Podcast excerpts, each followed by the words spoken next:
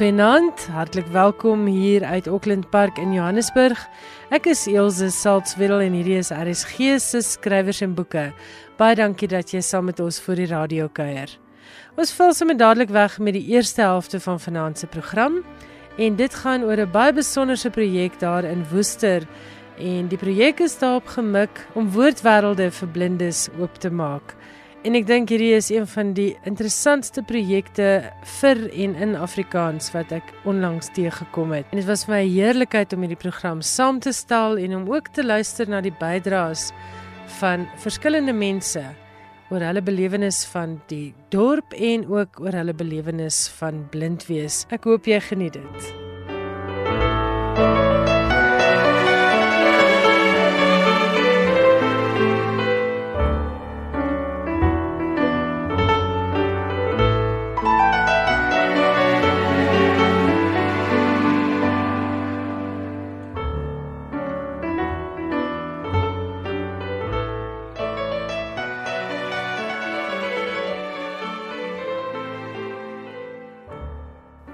By my in die ateljee vanaand is professor Francie Gryiling van die Noordwes Universiteit se departement skryfkuns. Francie, goeienaand en baie welkom hier by Skrywers en Boeke. Jy was betrokke by 'n baie interessante projek daar op Woester waar ek my hoërskooljare deurgebring het.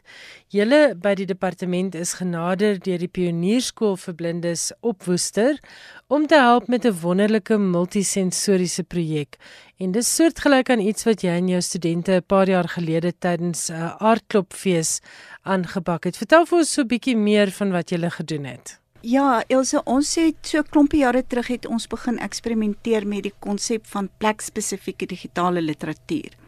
En dit kom eintlik nou daarop neer dat 'n mens gedigte en stories wat oor 'n plek handel of met 'n plek verband hou op 'n spesifieke plek lees en ons doen dit digitaal. So ons gebruik QR-kodes en dan as jy nou op die plek is dan skandeer jy die QR-kode met jou selfoon en jy kom op ons inligting op die internet af en dan kan jy byvoorbeeld 'n verhaal lees of na gedig luister op daardie plek. En dan dan word dit 'n gesamentlike ervaring van jy wat op die plek is en die gedig en die omgewing saam en dit maak 'n unieke leeservaring. Ek kan nou nie heeltemal onthou hoe het julle Artop projek gewerk nie. Vertel dalk net vir die luisteraars daarvan want dit was 'n eerste in Afrikaans wat julle toe later opgevolg het met 'n soortgelyke projek daar by die tuin van digters in Wellington. Ons projek werk so jy moet op 'n spesifieke plek wees. Omdat ons met die fisiese QR-kode werk, beteken dit daardie QR-kode is op 'n sekere bankie in die botaniese tuin aangebring. Byvoorbeeld Hans Du Plessis wat 'n gedig geskryf het wat juis ons by daardie bankie geplaas het.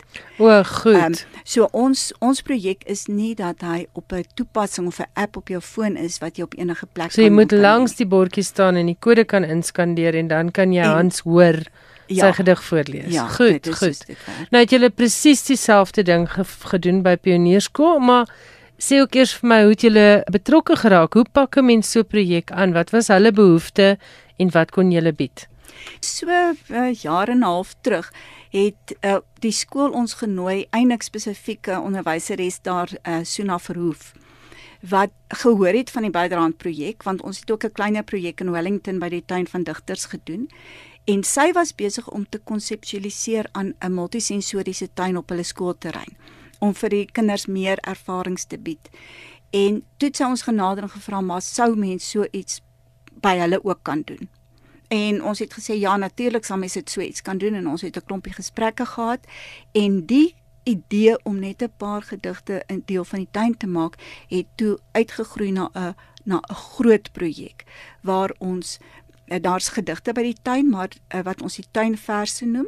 En dan het ons die pionierstories wat 'n uh, eh, verhale en vertellings en enkele gedigte is deur die blinde gemeenskap self wat by die skool is en in 'n restaurant in die dorp Blindiana Barista.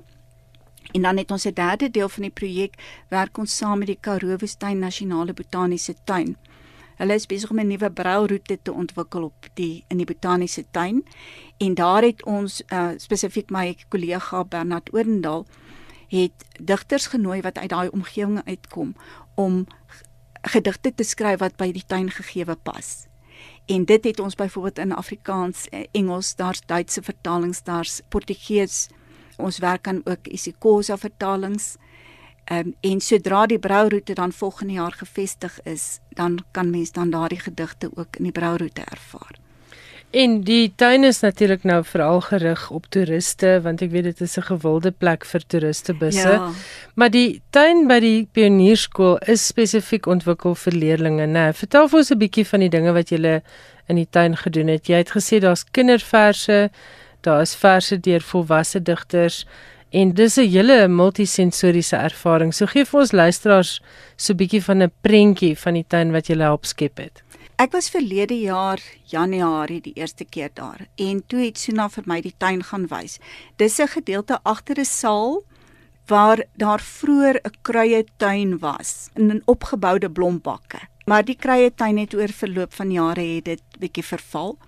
En sy het toe die visie gehad om te sê maar as hier nou meer uh, plante kan kom uit die omgewing wat met reuk en met uh, tekstuur en so aan te doen het en daai plek kan opgeknap word. En hulle het toe met 'n uh, handevat projek gewerk saam met Hoërskool Brackenfell. En daardie verwaarloosde stuk op die skoolterrein het hulle toe in 'n in 'n werklik waar 'n pragtige plek omskep. Saam met die Karoo tuin het hulle toe plante gevestig daar wat eie is aan daai omgewing dan ook met die tekstuur en die reuke en die uh die hele ervaring daar en hulle het reëlings gebou om die tuinbakke sodat die kinders daar maklik kan beweeg met inligting oor die plante wat dan daar is. En daai inligting is nou op bordjies in, in brail, in brail, ja. ja. Die die name van die plante en ook in groot skrif sodat enigiemand dit kan lees. Ja. Ehm um, en hulle het ook toe die paadjies in die tuin het hulle verskillende teksture gesit. Daar's byvoorbeeld klein klippies en groot klippe en 'n uh, boombas gedeelte en sintetiese gras gedeelte om 'n verskillende ervaring vir die voete te hê. En by die verse te pas, want jy En by die verse ja. te pas. Ek sal nou net 'n bietjie iets sê van die verse. En hulle het ook toe 'n versameling buitelug musiekinstrumente daar van herwinde materiaal soos ou verfblikke wat hulle helder geverf het en klokkies en 'n xylofoon en so aan waar die kinders nou kan speel en heerlik musiek maak. En uh, nog 'n aspek is dat Afrikaans kom het toe nou die muur van die saal, die buitens agter die muur, het hulle toe 'n pragtige verf met muurskilderye ook en met Afrikaanse spreuke, idiome wat te doen het met musiek. By die tuin is daar toe 'n baie mooi ingang gemaak en dit is werklik waar nou 'n besondere plek met al hierdie multisensoriese goed. En ons verse, daar's 10 tuinverse, is dan deel van die versameling. So ons het dan ook bordjies van ons verse daar. Soos ek net gesê het, ons werk met QR-kodes, die naam van die skrywer en die ehm um, gedig in brail in grootskrif en die QR-kode wat jy dan kan skandeer en dan daar in die tuin na die gedig kan luister op jou selfoon dan. En in die digter se eie stem of in die digter se eie stem. Ehm um, nou ons ons basisgedig vir die projek is William Rowland se gedig Die huis waar ek woon. En William Rowland is soos almal weet is 'n is 'n bekende blinde digter, maar hy's ook 'n leier in die blinde gemeenskap. En sy gedig Die huis waar ek woon gaan eintlik oor die huis van blindheid. En sy gedig is dan by die by die ingang van die tuin. So dit dit vat dit eintlik so wonderlik saam. Goed, kom ons luister na William Rowland se gedig. Hy was ook aan die begin van die jaar hier op skrywers en boeke 'n uh, gas En hier lees William sy eie gedig Die huis waar ek woon voor. My huis het 10 vensters, twee deure wat hongerhande na die wêreld reik. En binne woon daar twee verbande geeste wat saam die dag en die nag tot 'n bitterheuning meng. En as broers die gekraakte spieël bepeins. Die een wat die nagwaak waarneem, is 'n heilige wat gevaarlike ure opeet. Want snags is die tuin om my huis 'n geriffelde bladsy. Waar woorde onheilspellend ritsel en vreemde ideologieë bekoor. Soos gebreekte blomme wat die naglig met hul doodsgeur poeier. Maar bedags. Ja, bedags is dit anders. As die môre klanke so skoenlappers geel klokkies wegvlieg Dan is die voëls dartelende sirkels wat sing omdat die son hulle hartstukken kap. Al is die struike se gesigte nat gehuil.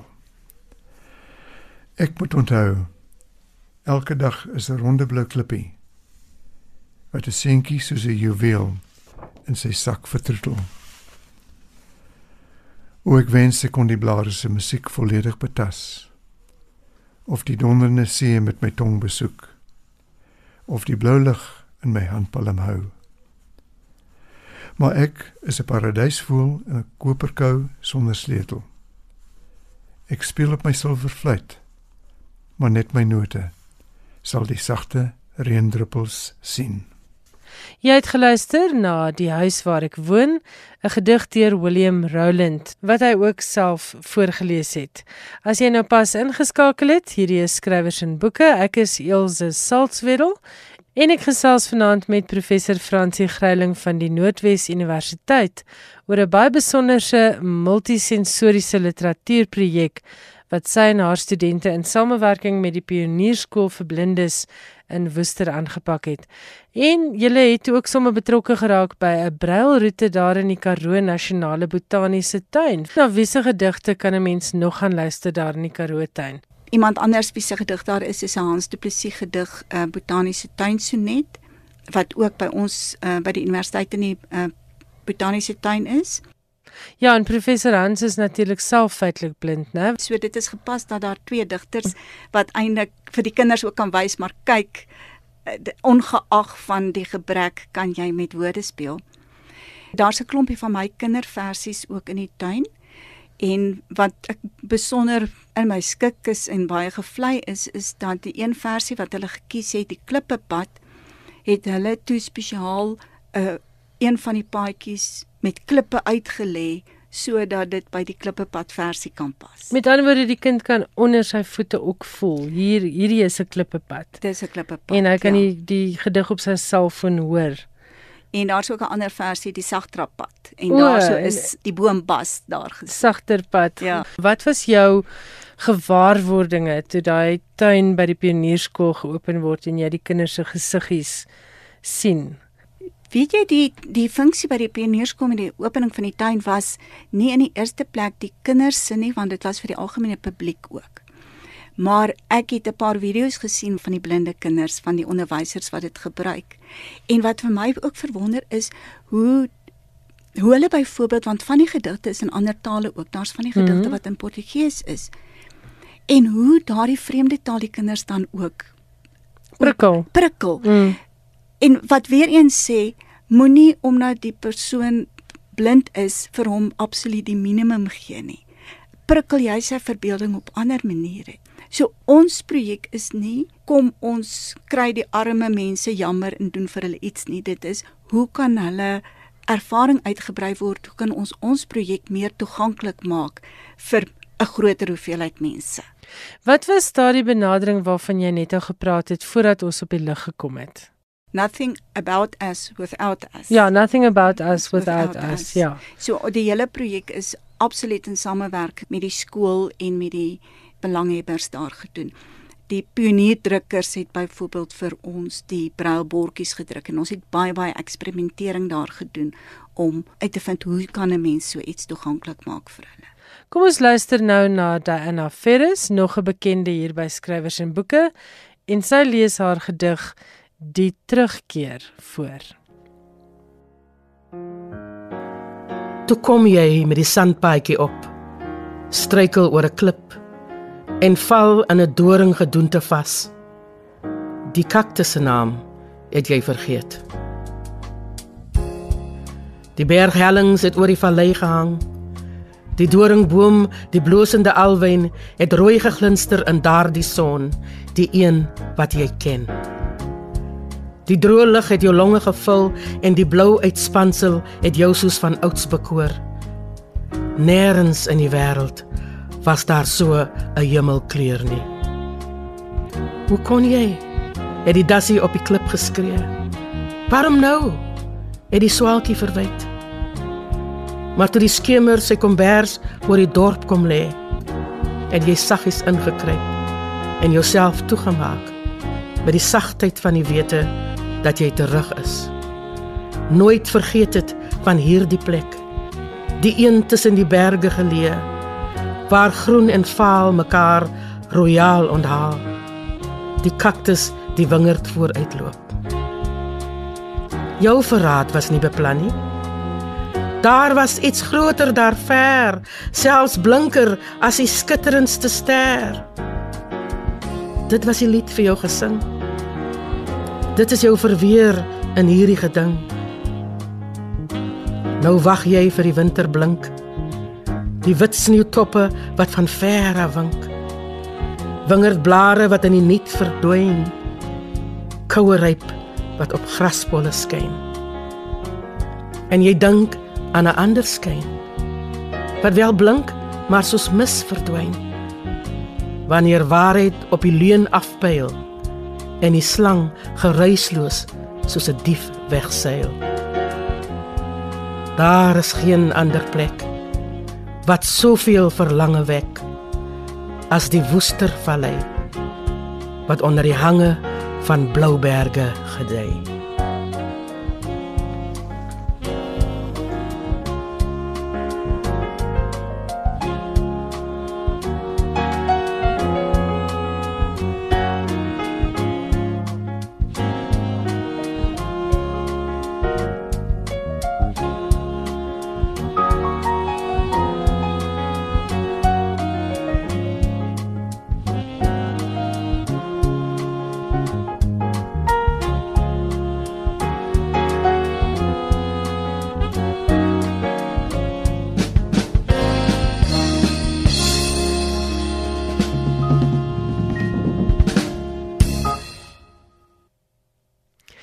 Was Diana Ferris wat haar eie gedig Die Terugkeer voorgeles het. Die gedig vorm deel van 'n multisensoriese projek gemik op blindes wat in die Karoo Botaniese Tuin in Woester bekend gestel is.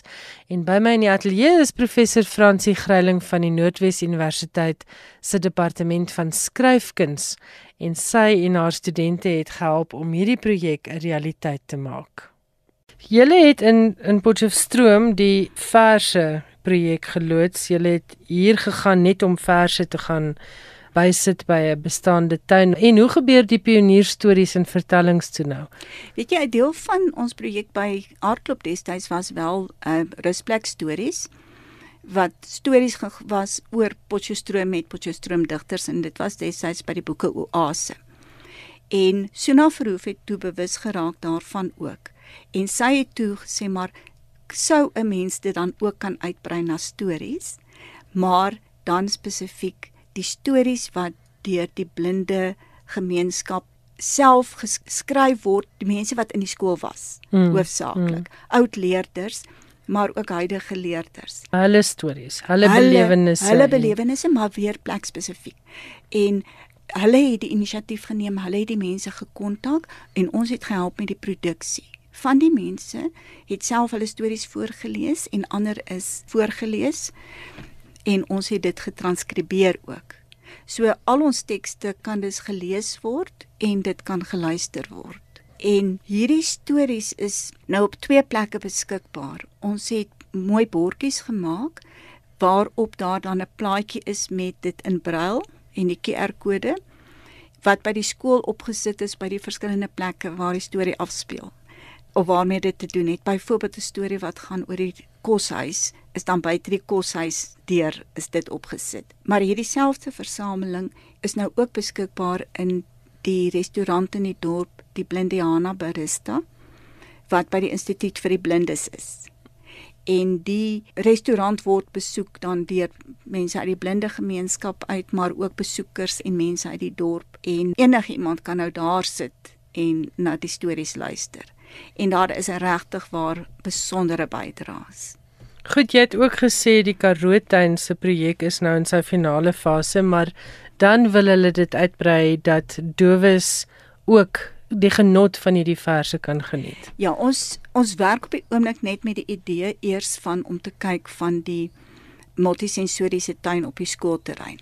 Want uit ons projek by Aardklop ook het ons die kinderversies veral het almal 'n animasie ook 'n tipografiese animasie wat die woorde van die gedig gebruik in kombinasie met die klank en met visuele elemente. En toe het ons gedink maar dieselfde beginsel kan wees want dit is 'n videoetjie wat eintlik net gemaak word. As mens die projek kan uitbrei na dowe kinders ook. En ons het 'n uh, gesprek gehad met meneer Koek by die skool vir dowes in Woester en hulle gaan nou begin met die kinderversies om dit te vertolk daar by hulle in gebaretaal en hulle gaan die produksie vir ons doen en ons voeg dit by ons projek en dan beteken dit daardie kinders kan ook na die pionierskool kom en hulle kan ook daar kinderverse en moontlik later dan gedigte lees of ervaar en hulle eie taal gebaretaal is dan ook daar. Fransie kan iemand van die publiek sommer daarna gaan kyk op 'n webwerf as jy nou bang is jy kom nooit in Woester uit nie maar jy wil graag sien hoe lyk hierdie dinge. Ja, ons webwerf is www.byderhand.net. Nou byderhand is soos om iets byderhand te hê, die selfoon is byderhand. Uh, en onder projekte is daar die pionierskool projek en dan kan hulle dit daar kry. Dit was professor Fransie Greiling en om hierdie bydra oor die multisensoriese tuinverse en pionierstorie projek in Woester mee af te sluit, luister ons na 'n bydrae deur 'n oud leerder van die Pionierskool, Jacques Kutse. Hy noem sy verhaal Grenskunde. Deesdae gebeur dit dikwels dat ek met slimmer, jonger weergawe van myself begin gesels. Partykeer praat ek hulle aan. Ander kere probeer ek hulle moed inpraat. Partykeer vra ek hulle om my te herinner aan wat ek al vergeet het. Vandag is dit so 'n 15-jarige knaap wat by my spook. As jy hom so uitluister, weet jy nie of jy wil lag of huil nie. Hy is indrukwekkend boekgeleerd. Hy het aanhalinge vir elke ding, elke situasie. Hy is ook onbeholpe en hopeloos ontuis in sy eie lyf. Hy is te rebels om te leer rook saam met die ander seuns en te skaam om te dans met die meisies. Maar as jy hom soek, is hy minstens nie moeilik om op te spoor nie. Hy sit maar altyd iewers en lees.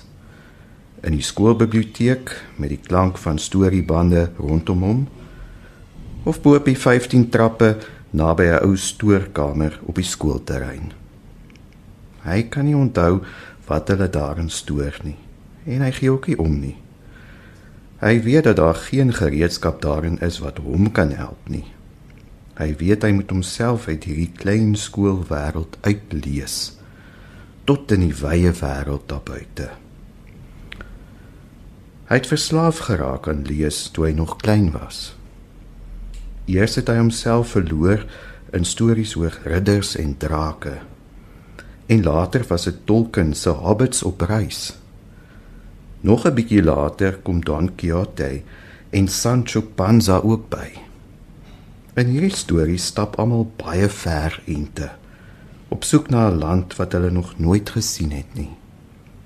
Die stories verander die heeltyd, maar die soek bly altyd dieselfde. Hierdie een word uit 'n pragtige tuin weggejaag. Daardie een moet vlug vir soldate wat 'n ander taal praat as sy. Hy weet dat hy ook sal moet soek vir iets. Anders gaan hy nooit die held van sy eie storie word nie. Hy weet hy is eensaam, maar hy weet nie wat om daaraan te doen nie. Dis nie dat hy nie gesels met die ander kinders nie. Dis net dat die gesprek op 'n stadium leegloop. Hy is te besig om te luister vir iets wat oor die ver horison na hom toe sal aankom. Hy leer sing in ander mense se stemme. Hy kan vir Bob Dylan namaak. En vir Leonard Cohen. Sangers wat ver in die wêreld woon en wat vir jou oor liefde en dood sal kan vertel. Teen hierdie tyd skryf hy alself ook gedigte. Alles hulle gewoonlik nie baie sterk nie. Hy probeer skryf soos die voorste digters in sy voorgeskrewe boeke. Hy weet 'n gedig moet 'n slim ding wees. Hy maak seker dat daar kleure in sy gedigte is, want hy skryf altyd met versiende mense. Rooi is vir liefde en begeerte, groen is vir verval. Partykeer lees hy versiende mense van sy gedigte voor, maar gewoonlik is hulle dan meer nuuskierig oor hoe dit voel om blind te wees. En dit herinner hom. Hy wil eerder met hulle gesels oor Walt Whitman of Breiten Breitenbach of Johannes Kerkorrel oor die nuutste Woody Allen film oor enige iets behalwe blindheid. Hy dink hy moes eintlik iemand anders gewees het. Hy gaan homself nie sommer hier kan uitlees of uitskryf nie. Hy begin wel agterkom dat daar mense is wat hom kan help. Sy ouers koop vir hom by die skooldrukkery brailboeke vol gedigte. Hy leer hulle uit sy kop soos towerspreuke. Sy susters bring boeke en idees en musiek huis toe van die universiteit af. En daar is onderwysers wat stories bring oor die wêreld buite die skoolmure. Hulle vertel hoe die lewe hulle al oor die jare verander het. Hulle vertel van die weirdste mense wat hulle al ontmoet het. Mense wat jy nie sommer sal vergeet nie. Hulle vertel hoe selfs siende mense hulle oë toemaak wanneer hulle soen of soms wanneer hulle na baie mooi musiek luister. Hulle is die grenskundiges wat die paaie ken na ander wêrelde toe. Stadig begin die lewe vir hom in plek val. Eers raak hy verlief op 'n meisie wat in dieselfde skool as hy is. En skielik begin hy belangstel in allerlei goed wat op die skoolgrond gebeur.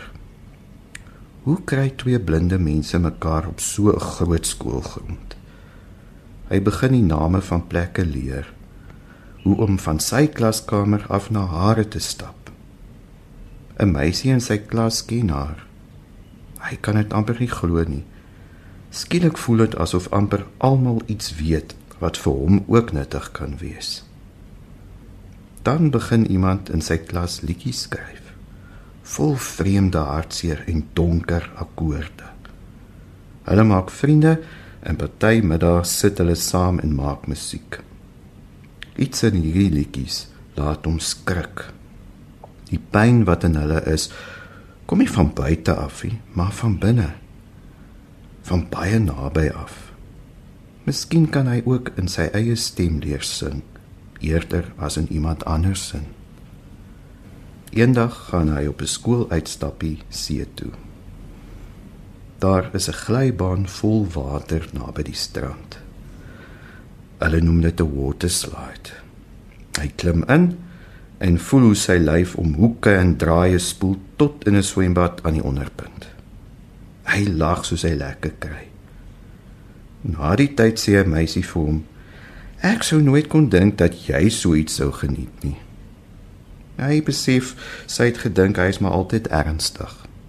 Hy kan haar nie blameer nie. Hy skryf matriek en kyk nie een keer terug nie. Hy het dit reg gekry. Hy het homself in die wye wêreld ingelees. Hy dink en hy lees hy sing en hy raak verlief. Hy skryf heelwat minder. Hy is so besig om ander mense se idees te verstaan dat daar min tyd oor is. Hy gee nie om nie. Hy is in die wye wêreld. Hy is oor die grens. Eendag sit ek aan 'n tafel langs 'n ou wysgeer. Hy is 'n legende oral waar hy gaan. Almal sê hy vra die waghalsigste vrae. Hy kan vir jou 'n storie van Rooikappie vertel sodat jy dit weer vir die heel eerste keer hoor. Asof Rooikappie en die wolf en die ouma sommer dele van jou eie storie is en mekaar toevallig vandag ontmoet het. Dis die eerste keer dat ek so langs die wysgeer sit, maar ons gesels soos ou vriende. Aan die manier waarop hy luister, kan ek hoor dat hy 'n groot grenskundige is. Daar's 'n stilte en ek wag dat hy weer iets slims moet sê. Jy skryf mos gedigte, sê hy. Jy moet eintlik vir ons laat verstaan hoe dit is om te sien soos wat jy sien. Ek bly vir 'n oomblik stil. Ek onthou al die siende mense wat my al die jare oor blind wees gevra het. Ek het nooit geweet wat om te antwoord nie. Hoe moes ek weet hoe dit is? Ek verstaan dit self glad nie. Ek sal werk maak daarvan, sê ek. So stadig aan jaar na jaar begin ek terugkyk. Ek dink aan die seuns daar waar op die skoolgrond leer ook en ek dink aan die meisies wat dalk sou wou dans. Ek dink aan almal wat probeer het om my te leer ken en wat 'n aanhaling uit 'n gedig gekry het om te ontsyfer. En ek dink veral aan al die grenskundiges, susters en taalonderwysers en skoolsielkundiges en almal wat so hartseer kon sing by die oud leerling byeenkomste. Grenskundiges almal van hulle. Deesdae skryf ek weer gedigte en ek probeer maar altyd begin by my eie ervaring. Daar is nie meer kleure in nie, maar daar is wel baie stemme en daar's baie liefde en dood en alles tussenin. Ek skrik nie meer as die mense vra hoe dit nou voel om 'n blinde man of 'n blinde digter te wees nie. Ek sê maar ek wil ook weet. Dis dit dat ek so aanhou skryf. Dis dit dat ek so oefen om nader aan my eie lyf te luister. Dit was die stem van Jacques Coetzee. Hy het sy eie stuk grenskunde voorgeles en dit vorm deel van die pionierstories projek daar in Woester. Nou hier's 'n baie interessante ding. Toe ons in 1981 in Woester ingetrek het van Windhoek af, het daar in dieselfde straat mense ingetrek met 'n klein blinde seentjie. En toe ek nou Jacques se foto sien, toe besef ek maar Jacques Coetzee is daardie klein blinde seentjie. En sedertdien het hy homself onderskei as digter en skrywer. Jacques het Engelse klasse aangebied by die Universiteit van Kaapstad in Stellenbosch en hy het toe 'n voltydse digter en musikant geword. In 2003 het hy sy meestersgraad in kreatiewe skryfwerk aan die Universiteit van Kaapstad behaal met 'n versameling gedigte getiteld Singing Through. Sy Engelse vertaling van Eugene Marais se dwaalstories het ook verskyn by Iman en Rousseau as The Rainbow and Other Tales from the Sun in 2009 en dit was genomineer vir die 2009 Satie Awards for Outstanding Translations and Dictionaries. En Jacques het ook al opgetree by die Gramstad se Kunstefees en hy maak musiek en hy laat hom glad nie onderkry deur sy blindheid nie soos ons ook in daardie pragtige stuk prosa gehoor het. En soos verlede week is Phyllis Green, Sari se boekeredakteur, vanaand weer by my in die ateljee. Sy gaan ook volgende week saam met ons kuier. Phyllis, baie welkom en waarmee skop jy af? Ilse, ek weet jy het 'n onderhoud gedoen met Pieter Dirk Eis, maar ek kan nie met jou gesels en nie praat oor Pieter se derde memoir weerklink van 'n wandklank. Dis 'n lekker boek nou, Phyllis. Dit lees so maklik. Ongelooflik. En ek is natuurlik gek oor Pieter want hy's vir my regtig 'n inspirerende mens. Hy's so 'n mens, mm, as ek mm. dit so kan sê. Hy het 'n warmte aan hom. En wat hy terugploeg in die land en in sy mense in. En ek dink die ander ding wat my van hom beïndruk is dat hy het nooit gesit en wag vir werk om na sy kant toe te kom nie. Hy het altyd vir homself werk geskep. En as jy agter in die bundel in sy in die memoir gaan kyk en jy sien wat het hy alles gedoen. Dis 'n indrukwekkende lys van produksies, goed wat hy geskryf het, goed wat hy opgevoer het. Hy's baie meer as dan Evita. Dit ja, is nee. een ding wat daardie bundel vir jou ongelooflik vinnig laat verstaan is Pieter Dirk Eis het onder andere Tannie Evita Besaidnout geskep. En ek dink die ander ding wat my regtig geroer het van hierdie memoir van hom is dis sy mees persoonlike een. Hy skryf pertinent oor sy kinderjare. Mm. Hy skryf oor sy moeilike verhouding mm. met sy pa. Hy skryf oor sy ma se selfmoord en dit het my nogal geraak, jy weet, toe hy as student uit Engeland uit moes terugkom nadat sy ma selfmoord gepleeg het. En hoe hy na die begrafnis stuur hy 'n briefie aan sy beste vriendin Sofia Loren. En dis 'n wonderlike draad in die storie. Ja. Is sy warm vriendskap wat hy met Sofia Loren het. En dit was vir jare eers 'n penvriendskap en dan skryf hy vir haar sy maat selfmoord gepleeg en hy weet nou nie meer wat om te doen nie. Dan skryf sy vir hom terug: "Pieter, jy kan later huil." Nou moet jy sterk wees vir jou pa en, en vir jou sussie. Hmm. En dit het my nogal aangeraak.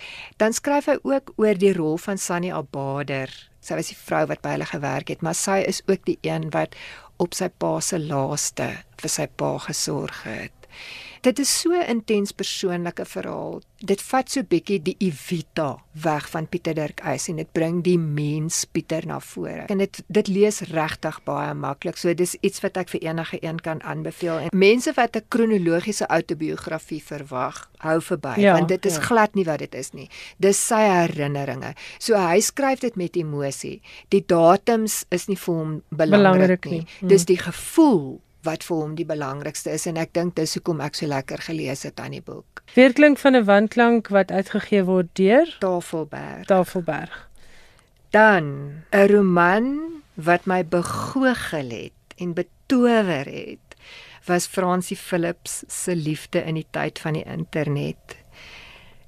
Kyk, dit is 'n vreemde verhaal. Sy voor op die boek staan is is 'n moderne stadsprokie.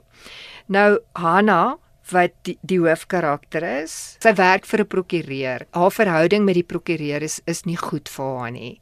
Sy wil dan wegvlug, dan skryf sy brief aan Francie Philips. Dan sê sy: "Hoor hierso, ek hoor jy gee Engels klas daar in Rusland. Dis my situasie, ek wil ook wegkom en so." So Francie Philips is 'n karakter in, in haar, haar eie, eie verhaal. Ja. Kyk, niks aan die ver, aan hierdie verhaal is polities korrek of enigsins nie, maar ek het dit so geniet want dit is regtig soos 'n matrioshka pop. Mm. Storie binne 'n storie binne 'n storie binne 'n storie. So daar's vreeslik baie kort stukkies wat jy lees dan dink jy, "Sjoe, dit laat my dink." En die ander ding wat Fransie baie goed doen is sy lewer ongelooflike sterk sosiale kommentaar oor alles in die En baie regheid, né? Baie regheid, mm. maar dit lees so vlot. Hanna wat die sprokie uitlewe raak wel verlief op Wolf 79 en hy is 'n pragtige Nurihef-agtige figuur. Um en as jy klaar gelees het dan wil jy self jou eie sprokie lewe. Dis baie goed geskryf, lees lekker en um daar's genoeg bitkos om jou die hele tyd te laat dink. Sy skryf byvoorbeeld oor hoe winter in Rusland is. Dis erger as misdaad in Suid-Afrika. So die vergelyking wat sy tref, dit laat jou 'n bietjie dink want ek kan byvoorbeeld myself nie indink hoe hoe erg die winter in Rusland moet wees nie. Ek het nog nooit in my lewe sulke erge koue verduur of so nie. So haar beskrywings van die landskap en die dinge wat Hanna ervaar in die landskap is ongelooflik. Dit skep 'n geweldige goeie atmosfeer vir die verhaal om in af te speel. Ek het dit regtig baie geniet. Die titel was vir my baie ongewoon en ek moet sê dit het my baie verras. So ongewone boek. So as jy preets en konservatief is, dan moet jy eerder nie lees nie. Of miskien moet jy dan juis lees. maar as jy iets anders in Afrikaans soek, dan is Liefde in die tyd van die internet deur Francie Philips definitief vir jou. Dis 'n quality boek. Goed, wat is volgende op jou lysie? 'n bedrieglike dun boekie wat uitgegee is deur Naledi is Marlies Hops se boek As sy weer kom. Dis En Marlies is die skrywer van Flarde onder meer en ek onthou dit ook as 'n boek wat jy wind uitgeslaan het. Hierdie boek is presies dieselfde. Dis Eyes as 'n verhaal. Ek wil so 'n stukkie lees, bladsy 28 en dit sal vir mense 'n idee gee van waaroor die boek gaan. My herinneringe is vervleg met die virtuele werklikhede wat ek daagliks in verhaalforme uitdink. So Isa se verhaal is ook gedeeltelik Marlies se verhaal. So sy put absoluut uit haar eie lewe daarvoor, maar sy vermeng dit ook dan nou met fiksie. Dis selfondersoek. Dit gaan oor Isa, die karakter se vrae oor haar eie seksualiteit, oor haar geloof, oor godsdiens, oor familiebande, oor self en wie is ek? So dis verbeeldingsvlugte wat dan gemeng word met die wrede werklikhede. Marlies het 'n vermoë om direk te skryf. So wanneer sy 'n wrede toneel beskryf, dan sien jy dit. Wanneer sy die fantasievlug van Blommes beskryf wat die een karakter in die verhaal is, dan gaan jy saam op daai fantasievlug. So sy 'n skryfstyl wat jou intrek onmiddellik. Ek wil afsluit oor haar boek om weer 'n klein paragraaf te lees. Op bladsy 75 skryf sy: Skryf is 'n vorm van sin maak uit die chaos. Dit is 'n verweer teen al die teenstrydige emosies. Dit is ook om bestaansreg te gee aan wie jy is deur dit in woorde te stel. Skryf is 'n vorm van eerlikheid wat mens net in fiksie kan hê. En dit is as sy weer kom deur Marlies Hobbs uitgegee deur Naledi. Dit was Phyllis Green. Phyllis, baie dankie dat jy met ons kom gesels het oor 'n paar van jou gunsteling boeke. Ons maak volgende week weer so. Baie dankie Elsje, is altyd lekker om te kom kuier. Skrywers en boeke. Alles wat jy oor die boekewêreld wil weet en meer. Jan Meiburg is nou by my in die ateljee. Jan, baie welkom. Baie dankie. Lekker week gehad. Ja, ja, dankie. En lekker boeke gelees. Ja, ek steeds besig om lekker boeke te lees. O ja, jy het daai wonderlike hoop Afrikaanse boeke, maar nou gaan ons praat oor die nasionale boektoekennings. Is dit plaaslik of Nee, dis die Amerikaanse een. Goed, vertel vir ons. Wel, dit is waarskynlik die geleentheid op die Amerikaanse letterkunde kalender. En dis onlangs in New York aangebied, 'n geleentheid wat graag vergelyk word met die Oscars. Die National Book Awards is in 1936 ingestel, maar toe die Tweede Wêreldoorlog uitbreek, is dit opgeskort en dit het, het weer in 1950 op dreef gekom. Voor die oorlog kon enige skrywer meeding, maar na 1950 is die prys gereserveer vir Amerikaanse skrywers wat in die voorafgaande jaar gepubliseer het. Die prys word in 5 kategorieë toegeken. Vanjaar se wenner in die kategorie fiksie is Sigrid Nunes. Dit is met haar jongste roman The Friend, haar sewende waarmee Nunes die gesogte prys verower het. The Friend is die verhaal van liefde, vriendskap, verlies, genesing en die magiese band tussen 'n vrou en haar hond. Wanneer 'n vrou haar beste vriend en mentor verloor, word diese hond in haar sorg gelaat Die feit dat sy moet sin maak van haar verlies word geïntensifieer deur die Tamaye Great Dane se hinkering na sy eienaar. Gaandeweg raak sy emosioneel verknog aan die hond. Die boek word beskryf as 'n besinning oor verlies en daarmee saam 'n viering van die mens-hond verhouding.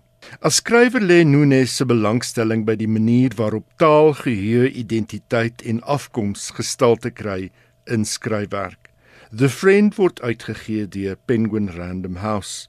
Die prys vir nuwe fiksie is toegekend aan Jeffrey C. Stewart vir sy boek The New Negro: The Life of Alan Locke, 'n biografie oor die voorloperfiguur in die Harlem Renaissance. Die digter Justin Philip Reed het die poësieprys verower met sy bundel Indecency, uitgegee deur Coffee House Press.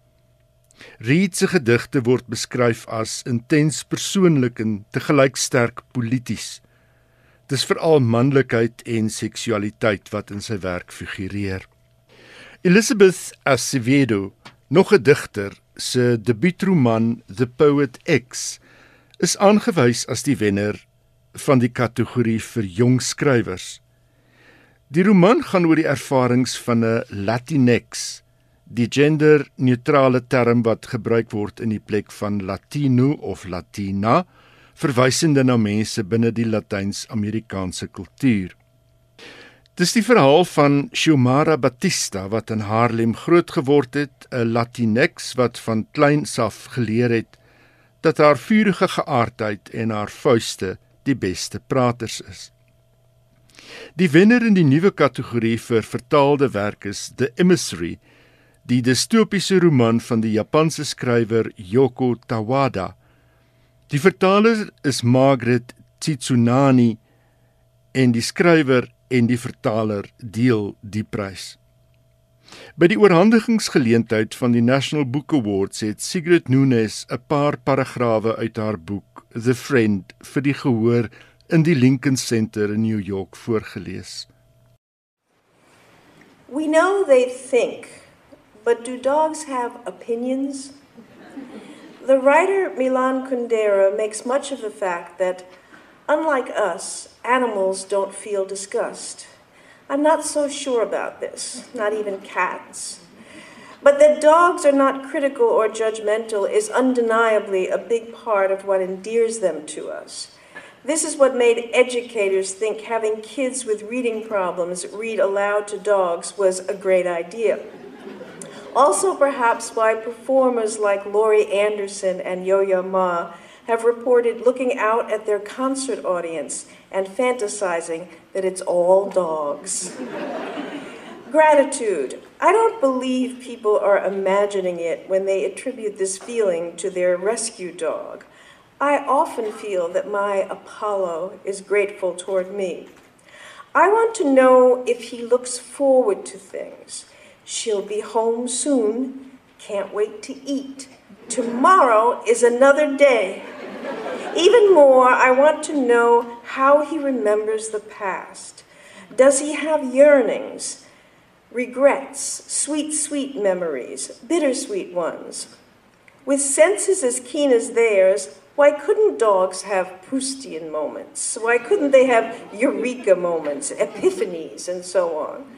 In the beginning, I sometimes caught him staring at me only to turn away when I looked back. Now he often rests his block of a head on my knees and tips his eyes at me with a speaking expression. Do you talk to Apollo? My therapist asks. Well, yes. To encourage bonding, it is recommended that people talk to their dogs, which seems to come naturally, though my guess is people are doing it less and less thanks to our attention devouring devices. I once heard a stranger in agitated conversation with her pug. And I suppose it's all my fault again, isn't it? She said at which I swear the dog rolled its eyes. what do you talk to him about? The therapist wants to know. Mostly, I seem to ask questions. What's up, pup? Did you have a nice nap? Were you chasing something in your sleep? Do you want to go out? Are you hungry? Are you happy? Does your arthritis hurt? Why won't you play with other dogs? Do you want me to read to you? Do you want me to sing? Who loves you? Do you love me? Will you love me forever? Do you wanna dance? Am I the best person you've ever had? Can you tell that I've been drinking? Do these jeans make me look fat? If we could talk to the animals, goes the song, meaning if they could talk to us. But of course, that would ruin everything. Dit was die stem van Sigrid Nunes en sy het voorgeles uit haar boek The Friend. Wat terloops iets is wat ek dink ek gaan lees. Ek is mos mal oor honde. Het jy honde? Nee, ek het nie honde nie, maar dit klink na 'n wonderlike boek. Klink na 'n wonderlike boek en ek is 'n absolute hondeliefhebber. En ek verwonder my altyd aan die verhouding wat die mens het met veral honde. Daar is ook 'n interessante ding wat besig is. Wel, miskien is dit altyd daar, maar onthou jy ruk gelede het het daar ook 'n boek oor Rousmart uitgekom ten opsigte van 'n verhouding met 'n met 'n gevoelte. Ek dink die boek Dit was 'n valk. Ja, ja, die 'n feathered thing dink ja, ek was die Ja, was en hy was 'n kortlyste, né? Reg, ja, ja, ja. Ja, ja, nee, en dit is net vir altyd so wonderlike ding om oor te lees en is vir ook dink ek iets waarvan ons die die helende kragte heeltemal onderskat. En dit is wat Nunes dan wel doen in hierdie boek. Dit is aan Sigrid Nunes en haar boek is The Friend as jy ook belangstel om dit te lees. Jan, wat's volgende? Die 43ste Kuwaitse internasionale boekeskou is vroeër die maand in die Arabiese Golfstaat aangebied en meer as 500 uitgewers van 26 lande het aan die skou deelgeneem. Maar die boekeskou wat gereken word as een van die toonaangewendstes in die Midde-Ooste het ook aandag getrek om 'n ander rede. Die boeke wat uitgestal is, is aan 'n siftingproses onderwerp en 'n sensuurkomitee moes die versekering gee dat al die boeke voldoen aan Kuwait se wetgewing. Die komitee se riglyn is die land se wetgewing van 2006 wat 'n hele string strafbare oortredings binne letterkunde en journalistiek aandui. Die oortreding sluit in die belediging van Islam of die Kuwaitse regstelsel, die bedreiging van nasionale veiligheid, aanstigting van onrus en onsedelikheid. Die komitee het 948 boeke vir die fees afgekeur en die op 'n swartlys geplaas. Een van die boeke is Fyodor Dostojewski se The Brothers Karamazov, 'n roman wat afspeel in die 19de eeu se Rusland waarin moraliteit, vrye wil en die bestaan van God verken word. In die laaste 5 jaar is meer as 4000 boeke in Kuwait as ongewens verklaar onder meer Victor Hugo se The Hunchback of the Notre Dame en Gabriel Garcia Marquez se 100 Years of Solitude. Volgens The Guardian het aktiviste in September by twee geleenthede in Kuwait beswaar gemaak teen groeiende sensuur in die land. Kuwait het in die 1970s en die 1980s 'n sterk uitgewersbedryf gehad met 'n toonaangewende pan-Arabiese letterkunde en kultuurtydskrif Al-Arabi. Die afgelope paar jaar het konservatiewe leiers en ook volksleiers heelwat meer seggenskap in die golfstaat gekry en word sensuur toenemend soos in die geval van die boekeskou nou toegepas. Ja, en weet jy daar's baie dinge in ons land verkeerd, maar die een ding wat ons nooit ooit moet ophou dankie sê voor nie is mediavryheid.